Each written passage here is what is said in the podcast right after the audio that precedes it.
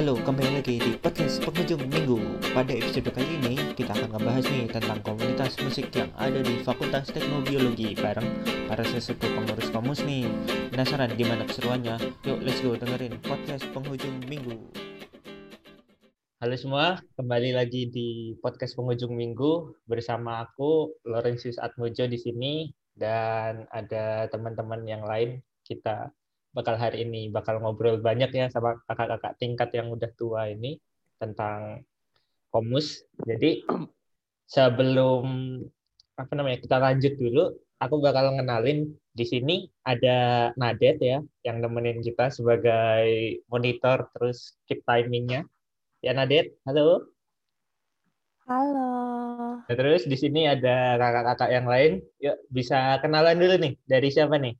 Yang tua dulu apa? Apa yang muda nih? Dari siapa duluan? Yang tua Yang Kak Vincent deh. Yang tua. Vincent. Yang tua. Yang Nah. tua. Mendahulukan legend, bukan yang tua. Oke. Iya. Kulo nuwun itu. Yo, Ya, Kak Vincent, kenalan dulu. Ya kayak kemarin lah. Oke. Kan kemarin udah kenalan. Oh iya. Bagi yang penasaran, tonton episode sebelumnya aja. Wih, nggak ada esensinya, Bro. Nggak ada esensinya. ini yang yang sering udah Dan sering promosi. biasa ya kayak gini ngiri. Ya, Itu terus perkenalan. Oh ya, aku ya. Berarti ya. ya, Ya, halo semuanya. Aku Ari. Angkatan 2016. Dah, bye. dah lanjut tadi siapa nih? Kak Fendi apa Kak Mario nih? Fen Fendi se Fendi Oh, lah iya. lebih lebih tua dia. Dikit, mah. Ya, na namaku Fendi dari angkatan 2017 FTB ya. Nah, FTB.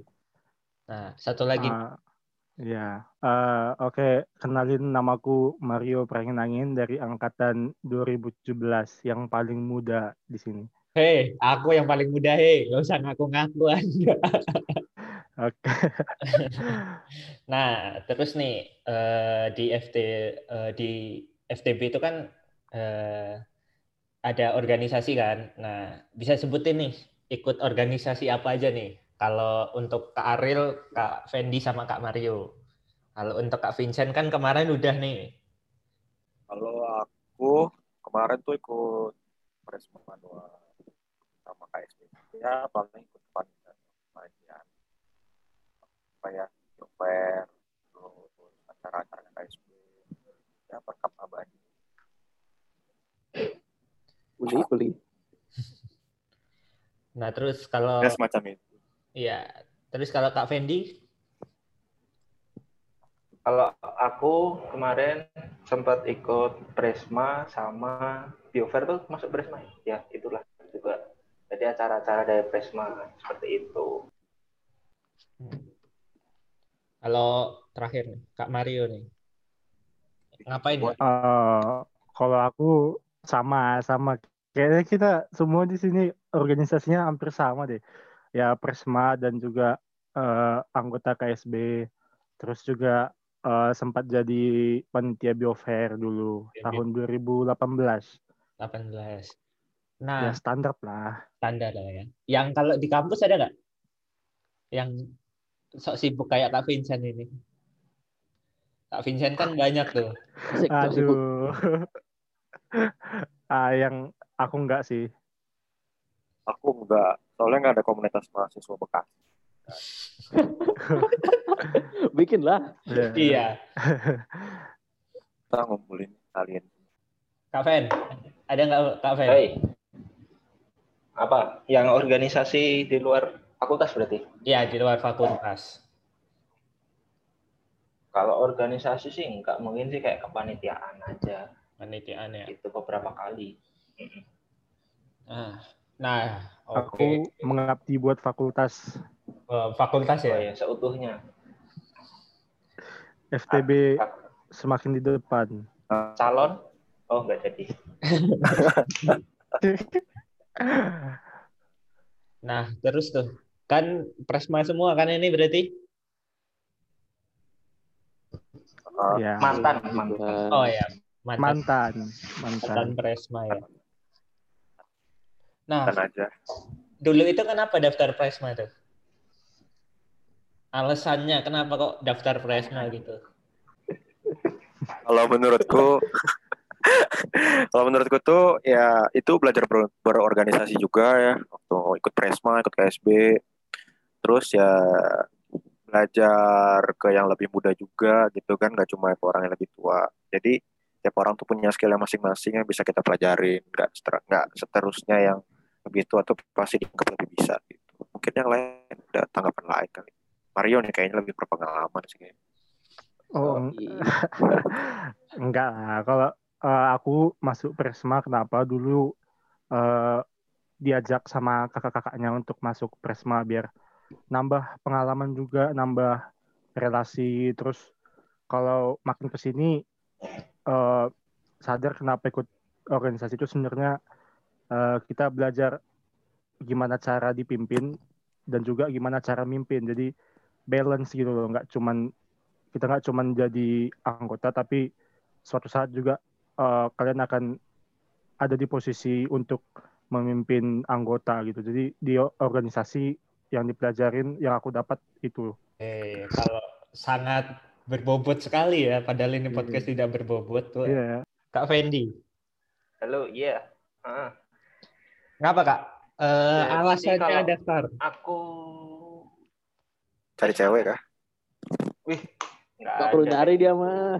Udah ada dia mah. Gak usah nyari, Iya, juga cari datang ya. sendiri. Ya, setia. Dicari kalau Fendi. Mana Makanya. ada. Jadi kenapa awalnya itu karena pertama bosen dengan dinamika kuliah yang gitu-gitu aja. Kan aku cuma satu periode nih yang kemarin. Nah itu jadi kayak pengen lebih berkontribusi untuk fakultas selain dengan belajar. Gitu. Terus pas daftar Presma itu eh, ada pilihannya nggak dulu itu? Terus itu daftar apa aja kalau boleh tahu? Kalau aku di Presma kan? Iyalah di Presma. Di Presma paling mibak. Udah itu karena aku satu kali pengurusan doang soalnya. Hmm. Mibak. Ya sama tuh si Wabatak satu tuh. Aduh. Ken- ken- kena lagi kena Ngurus lagi. komus kan, ngurus komus. Gak ada fasilitas, gak ada apa latihan ya dimaksimalin aja Itu lah. eh, itu nanti nanti. Punya mimpi dari dulu mau ngundang komus lain. Gak jadi-jadi emang. Kap. Aduh. Yang lain, yang lain. Yang lain, yang lain. Siapa nih? Eh, Kak Vincent dulu lah. Vin- Kak Iya. Vincent pasti banyak banget ini. Oh, banyak sepuh Banyak. anjir. Is- Orang tua manula anjir. Anjir. Kan tetap daftarnya cuma sekali. Iya. Dulu daftarin ya aku awalnya. Kan milih dua tuh. Dulu aku milih MIBAK sama akademik. Woi. Tapi kelihatan lah, maksudnya dari hasilnya Iya iya benar. kemarin kumlot nggak nggak salah dia milih akademik Iya, kemarin. Cuman jatuhnya salah. ke Mibak ya. Iya. Yang Terjerumus tadi tolong aja dikat dia. ya. Ya, milih dua itu. Akhirnya dipilih di MIBAK. Ya udah lanjut. Periode kedua mau pindah tapi mager ya udah lanjut lagi di MIBAK. Iya. Memang eh, Kak Vincent di cocoknya di Mibak gitu. Kok akademik udah banyak lah. Iya. Banyak. Iya, kasih kesempatan yang lain kan. Iya. Kayak Kurni gitu Chen ya. Eh, Yes. Hei, hei. kok dia? Aduh, aduh. Dia jurnalistik, woi. Iya, Oh, waduh. Jadi Apa? salah. Ya udah Ntar lanjut. bintang tamunya tambah. Lanjut, lanjut, lanjut. Fendi, Fendi. Fen, Fendi dulu nih, Fendi, Fendi. Fendi, Oh, Fendi. kalau aku kemarin daftarnya MIBAK dan MIBAK. Gitu aja. Soalnya kan satu periode. Jadi Oh, iya. satu MIBAK, MIBAK. Orang tidak punya masa depan loh ini. Ada pilihan lain sebenarnya. Cuman ya udah. Iya. Berarti kemarin Memang aku Mibak. berarti kemarin aku milih Gimana, mibak, gimana? mibak. Kemarin aku milih mibak mibak nggak salah berarti. Oh, Nggak nggak salah. salah. Nggak Karena nggak salah. nyalain kamu. Nggak nyalain Pilih toh. apa pun. Enggak. Pilih apa pun pasti Mibak. Nggak boleh. Apa pun pilihannya, minumnya Mibak. Mibak. Mibak. Lanjut, lanjut, lanjut. Kak Mario, Kak Mario. Eh, eh, aku eh, ini nih agak lucu dulu. Eh, ada oknumnya juga di sini. Jadi dulu itu pertama kali aku Waduh, kayak saya tahu. nih. masuk masuk masuk Presma, pilihnya eh, KSB. Jadi pas di sampai diwawancarain pun, oh pokoknya KSB gak mau pindah ke departemen lain. Apalagi waktu itu yang akademik, yang jurnalistik, wah belum belum masuk inilah apalagi akademik kan. Rupa-rupanya masuknya di Mibak. Jadi lama-lama nyaman sih di Mibak. Eh, nyaman sih. Nyaman. Nyaman Iya. sekali. Nyaman di PH, Pak. sih di Mibak? Ada di PH ada apa, Pak? Ah, gak usah dibahas lah. Waduh. Oke, yaudah, tolong lanjut, lanjut, lanjut, lanjut. Oh, udah tutup khusus bahas itu. buku. Itu segmen sendiri. Ya udah. Nah, lanjut. Nah, eh eh, tadi kan udah ini tuh. Udah ini berarti pada ngurusin komus semua nih berarti kan? Kan mibak semua. Iya. Vincent sih pengurus komus abadi. iya. Kita hanya meneruskan. Pengurusnya Selama Vincent di Jogja, lintas Jawa Tengah itu masih dianggap komus. Komus. Eh, bukan kayaknya di selama punggung di punggungnya masih ada stiker inventaris ya. Jadi Ah, nanti bahas Ibanez juga dari inventaris nih. Waduh. Waduh. Kayaknya Tolong iya. itu pintu Presma di pintu Presma diperkuat ya. Itu inventarisasi di bawah semua kaos Vincent. Ya.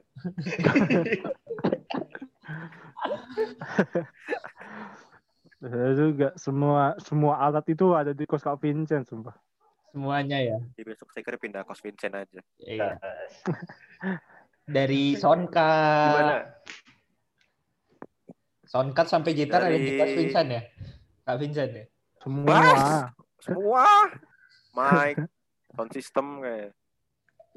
Kayaknya jendela sekre ada tuh di situ. Bukan ya?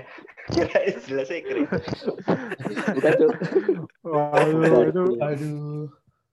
Oke, nah kan pengurus komus semua nih. Eh, Bukan ding sebenarnya penerus Kak Vincent.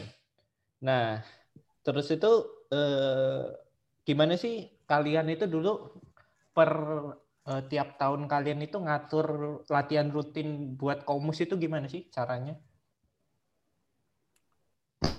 Dari Vincent. Dari yang terdahulu yang yang terdahulu. Dari yang dari yang Kan punya komus lah, Kak Vincent. Wah, Dari yang punya. direktur utama. Awalnya tuh ini. Jadi dulu ini sedikit cerita ya, sedikit cerita sejarah komus asik. Jadi awalnya tuh kalau masalah musik musik FTB itu sebenarnya dari udah dari lama sih, dari zaman Mibak ada udah ada. Cuma dulu pas aku masuk tuh formatnya bu- bukan komus, jadi namanya Mibak Mibak musik. Cuma dulu sistemnya ini perangkatan bikin grup sendiri, jadi bikin band sendiri. Nah itu nanti dipersiapkan buat buat ini POST. Dulu awal-awal aku masuk sempat ikut, sempat ikut sekali, tapi datang latihan sekali. Terus ini melihat wah para senior yang sudah cukup ekspor, saya mundur. Akhirnya cuma datang sekali itu di studio waktu itu. Jadi dulu latihannya langsung datang studio, langsung ngeband bareng. Lihat cutting-cuttingnya yang wih, wih, expert banget. Akhirnya setelah itu nggak datang lagi. wah, Wah, Setahun, setahun cuti ya. Nggak datang. Terus akhirnya pas aku jadi pengurus tahun pertama, tahun pertama itu berarti tahun berapa tuh? 1900 oh bukan. Oh iya. 1945 kalau nggak salah. Ajigo. kebanyakan, kebanyakan, kebanyakan, kebanyakan, kebanyakan. Oh, kebanyakan ya. Anjing, lu main di upacara Soekarno apa gimana? Ini pas proklamasi itu. Yang main biola yang main biola kan Vincent. Oke. lanjut, lanjut, lanjut. Lanjut. Lanjut. Jadi pas pas periode pertama itu sistemnya masih sama. Jadi datang latihan, tapi dulu ini enggak enggak enggak dibuat perangkatan, tapi siapa pun yang mau latihan musik datang aja. Terus konsepnya enggak. Kalau dulu kan pas aku maba ini konsepnya langsung ke studio. Nah pas aku tuh nggak jadi kalau langsung ke studio kan nanti yang pemula-pemula nggak bisa main. Nah, akhirnya konsepnya akustik dulu. Akustik dulu baru lalu kalau mau lomba-lomba itu baru ke studio. Itu yang pertama. Periode yang kedua berarti periode kedua tuh ini pas yang megang Tommy. Jadi sebenarnya yang merintis nama komus tuh Tommy, Stephen Tommy Panglamba.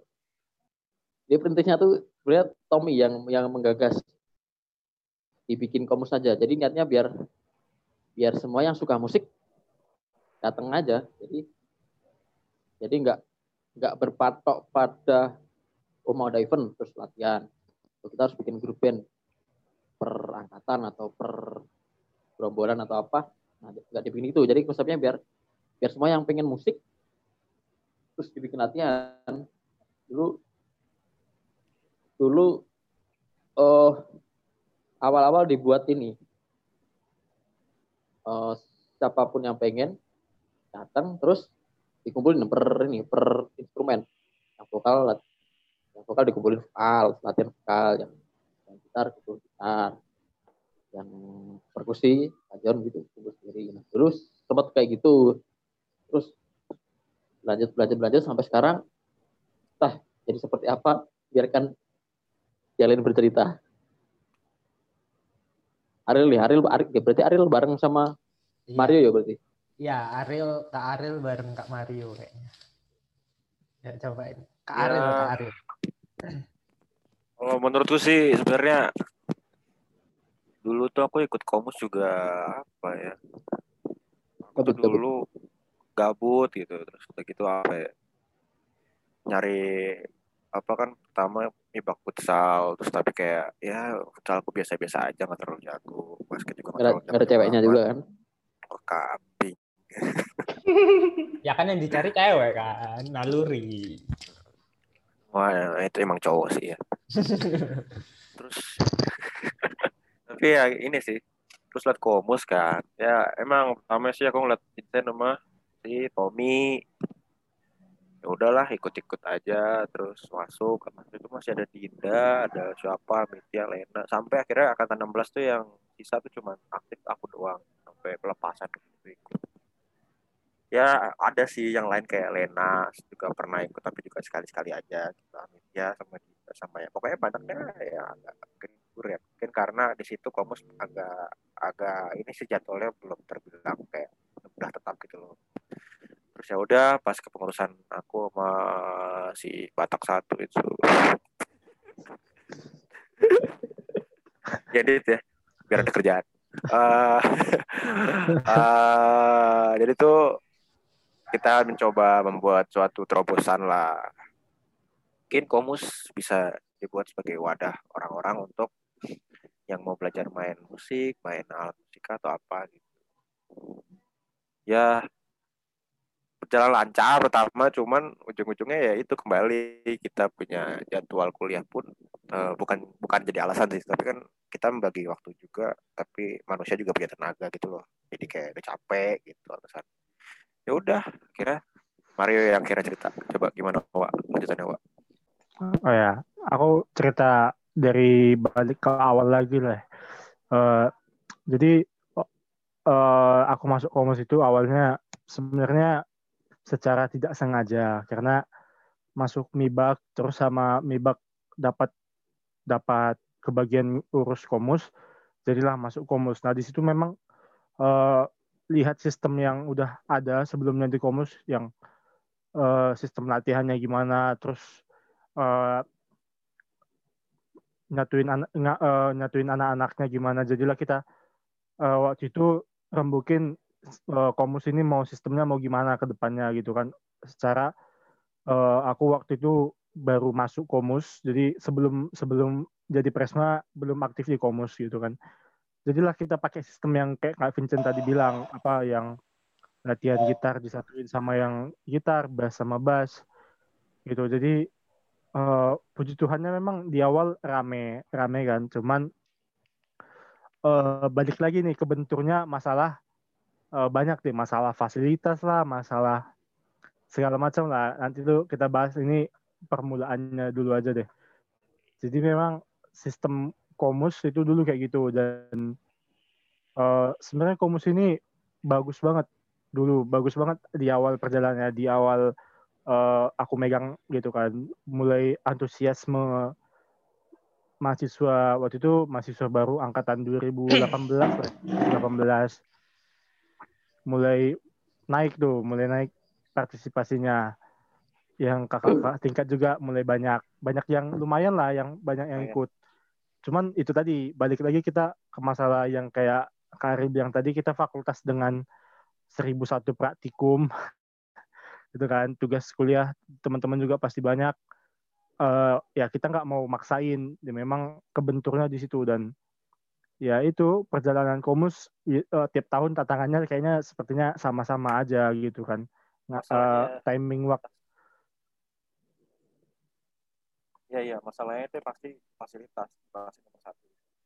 Karena ya. karena kita pun juga kalau latihan tuh harus butuh tempat yang kedap suara harus gimana lah gitu semacam itu. Kedap suara. Iya, sebenarnya. Masalah fasilitas nih, aku gini sebenarnya fasilitas udah ada tapi belum memadain. Dan itu kadang kita istilahnya berdikari aja berdiri di atas kaki sendiri. Ya, memang uh, yang ada di inventaris Presma yang punya Presma itu kan terbatas hanya kita punya Royan, udah punya Royan, puji Tuhannya. Uh, mulai dari angkatan 2018-nya sendiri, terus angkatan 2017 juga udah lumayan yang ikut, 2016 ya banyak juga. Jadi semakin banyak orang, tapi kita fasilitasnya kurang dan ya mahasiswa kita yang ikut komus banyak kan nggak punya alat gitu kan. Yang punya alat banyak kan itu ya nggak ada kita biasanya minjem ya Wak, minjem. Atau enggak ya, biasanya kita apa, minjem apa yang ada. Itu jadi sampai ke masanya Fendi juga permasalahannya kayaknya gitu juga ya Fen? Oh, iya. Selalu sih. Mau selesai dulu aja Mar? Uh, yang masalah fasilitas lagi nih. Memang uh, kayak ya aku ngomong fasilitas dulu lah. Kayaknya sebenarnya banyak yang lain. Uh, itu memang kita pun nggak bisa. Maksudnya uh, kendalanya memang dalam pengadaan fasilitas ini kan di persemanya sendiri lah aku bilang. Mungkin bukan prioritas utama gitu kan dan memang ya wajar gitu. Uh, komus itu tetap tetap dapat dana cuman nggak besar lah kalau nggak salah. Itu ya lebih besar ke yang lain karena memang lebih rutin. Jadi di situ di situ kebentuknya di situ. Memang makin banyak uh, partisipasi dari mahasiswa yang ikut tapi fasilitas kita kurang. Jadi makin lama juga istilahnya kayak ada penyesuaian sendiri lah dari mahasiswanya. Ya udahlah lama-lama makin kekurang sendiri tuh mahasiswanya biar biar nggak kebentur masalah pakai alat. Terus kita juga jadwal latihannya cuma dua jam seminggu kan. Dulu sempat uh, dibikin dua kali seminggu cuman nggak efektif nggak efektif. Terus untuk ngakalin itu dulu kita pakai cara uh, kita bikin tim.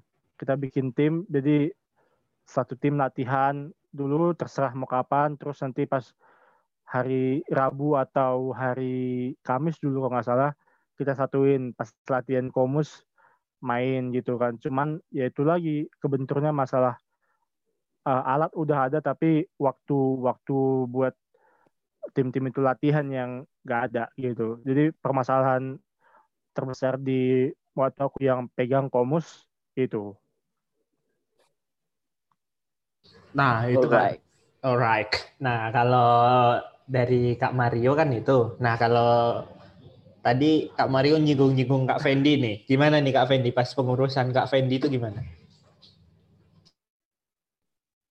Banyak peminatnya dia langsung. Oh iya, langsung lagi cewek-cewek tuh. grafiknya Yang naik ya. Saya, Wak. Kenapa ada yang ngomong? Langsung grafiknya naik gitu loh ya. Lanjut, lanjut, lanjut. Apaan gradien? Jadi eh, dari teman-teman komus yang di sini tuh aku yang paling ter eh bukan terakhir sih, yang terakhir si siapa nih? Si Nadet sama Dylan Ledley si Dexel ya. Nah, jadi sebelum itu kan aku yang megang di 2000 berapa ya? 2019 2020. Ya nggak sih? Iya, Iya. Iya, iya, iya yang kena 2019 panas. Jadi komus di tempatku tuh cukup beda karena adanya curu-curuna. Ya itu curu-curuna di setengah periode pengurusan.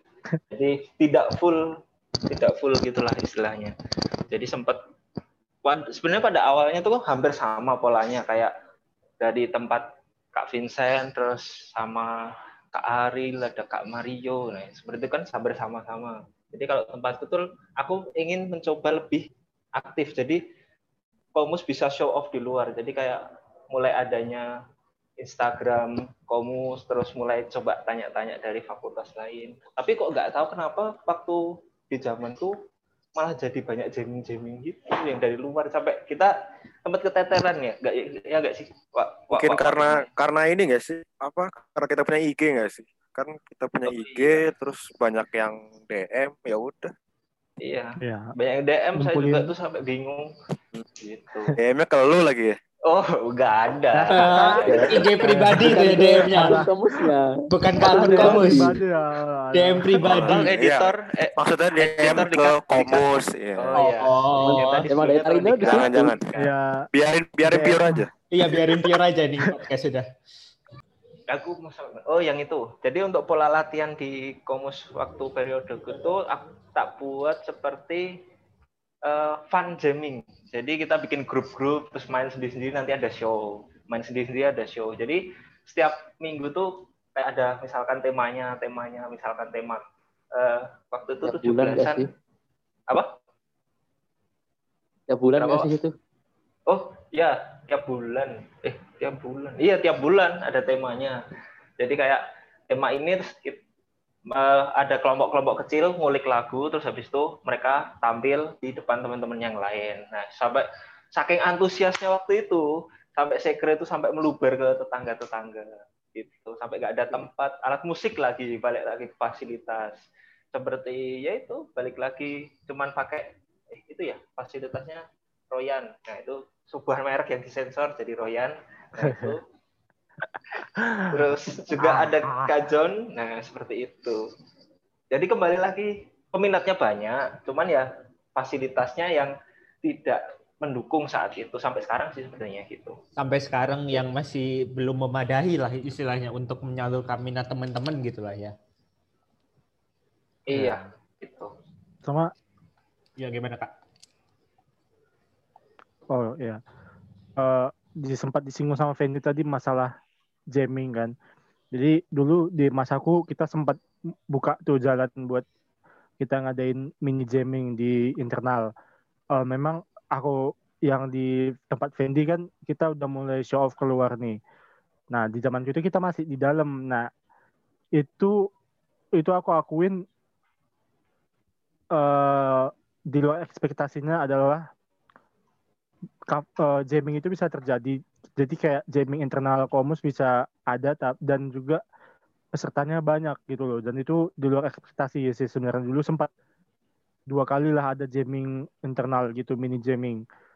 Cuman ya itu lagi eh, waktu itu memang terkendala sama waktu jadi kita nggak bisa bikin jammingnya sekal eh, rutin karena memang kita mikirin jadwal latihan terus eh, muaranya ya ke fasilitas tapi eh, masalah ngomongin masalah fasilitas sebenarnya intinya komus itu bisa tetap jalan tanpa ada ada atau enggaknya fasilitas pun nggak eh, nggak masalah sebenarnya. Yang penting menurutku eh, numbuhin minat di mahasiswanya dulu gitu loh baru eh, ke fasilitas. Kalau fasilitasnya ada tapi minatnya nggak ada ya tetap sama juga. Jadi kalau bisa sih harapannya memang fasilitas dan minat mahasiswa untuk ikut komus itu seimbang gitu sekali. Oke. Waduh. Wah, berat ini memang. Nah, terus tuh kan Berat, berat. Eh, tadi, eh, tadi itu kan udah apa itu namanya? Udah cerita kan bahwa apa? eh, dibagi kan ada beberapa grup itu mulai dari berarti dari tahunnya Kak Fendi ya? Eh, Kak Mario, Kak Aril. Iya, iya ngasih wa ya ya. Ya. Ya pokoknya ya, kita eh, mulai kita bagi-bagi lah Oh, pokoknya. semester semester kedua nggak usah. Ah, pokoknya Kalau itu Iya. Baru musim kedua. pokoknya itu dibagi-bagi menurut apa sih eh, skillnya mereka mereka tuh bisa apa sih jadi kita nggak semuanya kita taruh yang bagus-bagus di sini yang bisa bass semua gitu. Jadi diratain gitu. Kalau apalagi Iya, kalau ngasih beda nih aku kalau yang di zamannya Wak Aril sama Mario itu dia lebih ke eh, kemampuannya setiap individu di bagian apa dijadiin satu. Kalau di Nah, tempatku itu. di di combine jadi satu grup musik baru gitu. Tapi Nah. sama aja kayak dibikin grup kecil. Oh, Betul. berarti kalau di zamannya Wa Aril ini ini eh, misalnya yang jadi bisa main bass digabungin gitu ya? Atau bikin grup band kadang sendiri? ya eh, jadi kayak kalau mau belajar belajar bass ini ngumpul gini gitu Oh, oke jadi oke. kayak gimana ya kadang-kadang agak overload gitu sih kayak nggak nggak nggak nggak nggak rata lah pembagiannya jadinya ya kita perbaikin lagi di pengurusannya Fendi Nah, itu tuh eh, berarti dari pengurusannya Kak Fendi itu apa ya? Eh, ada kisaran berapa Kak? Eh, kalau misalnya dihitung-hitung ada berapa banyak sih yang antusiasnya itu dari grup musiknya itu ada ini banyak. Ada berapa gitu kisaran? Oh. Kalau sebelum kan itu kan sebelum pandemi berarti kan ya satu semester tuh ya. Itu Iya. setiap pertemuan, setiap pertemuan tuh sekitar 25, 20 sampai 25 adalah 20 lah sekitar gitu yang datang. Kan tak bikin absen waktu itu. Oh, oke oke. Nah, terus eh, eh, jadi eh, kalau aku mau tanya ke Kak Fendi sih. Jadi eh, setiap grupnya itu punya ciri khas sendiri nggak? Atau memang ya udah sama sama semua gitu? Kalau setiap grup yang waktu itu Eh, komposisinya tak sebisa mungkin dibikin merata. Karena kan nanti bakal setiap minggunya tuh di, eh, setiap pertemuannya tuh akan dimix dengan tema-tema baru. Jadi kayak berusaha beradaptasi gitu. Kayak mengenalkan bermusik itu ya kita tuh harus bisa show off dengan siapa aja gitu loh. Maksudnya bukan terbatas dengan si A si B si C dan ya aku mau ber mau eksplorasi dengan sesuatu yang baru gitu. Jadi diusahain merata sih kayak gitu.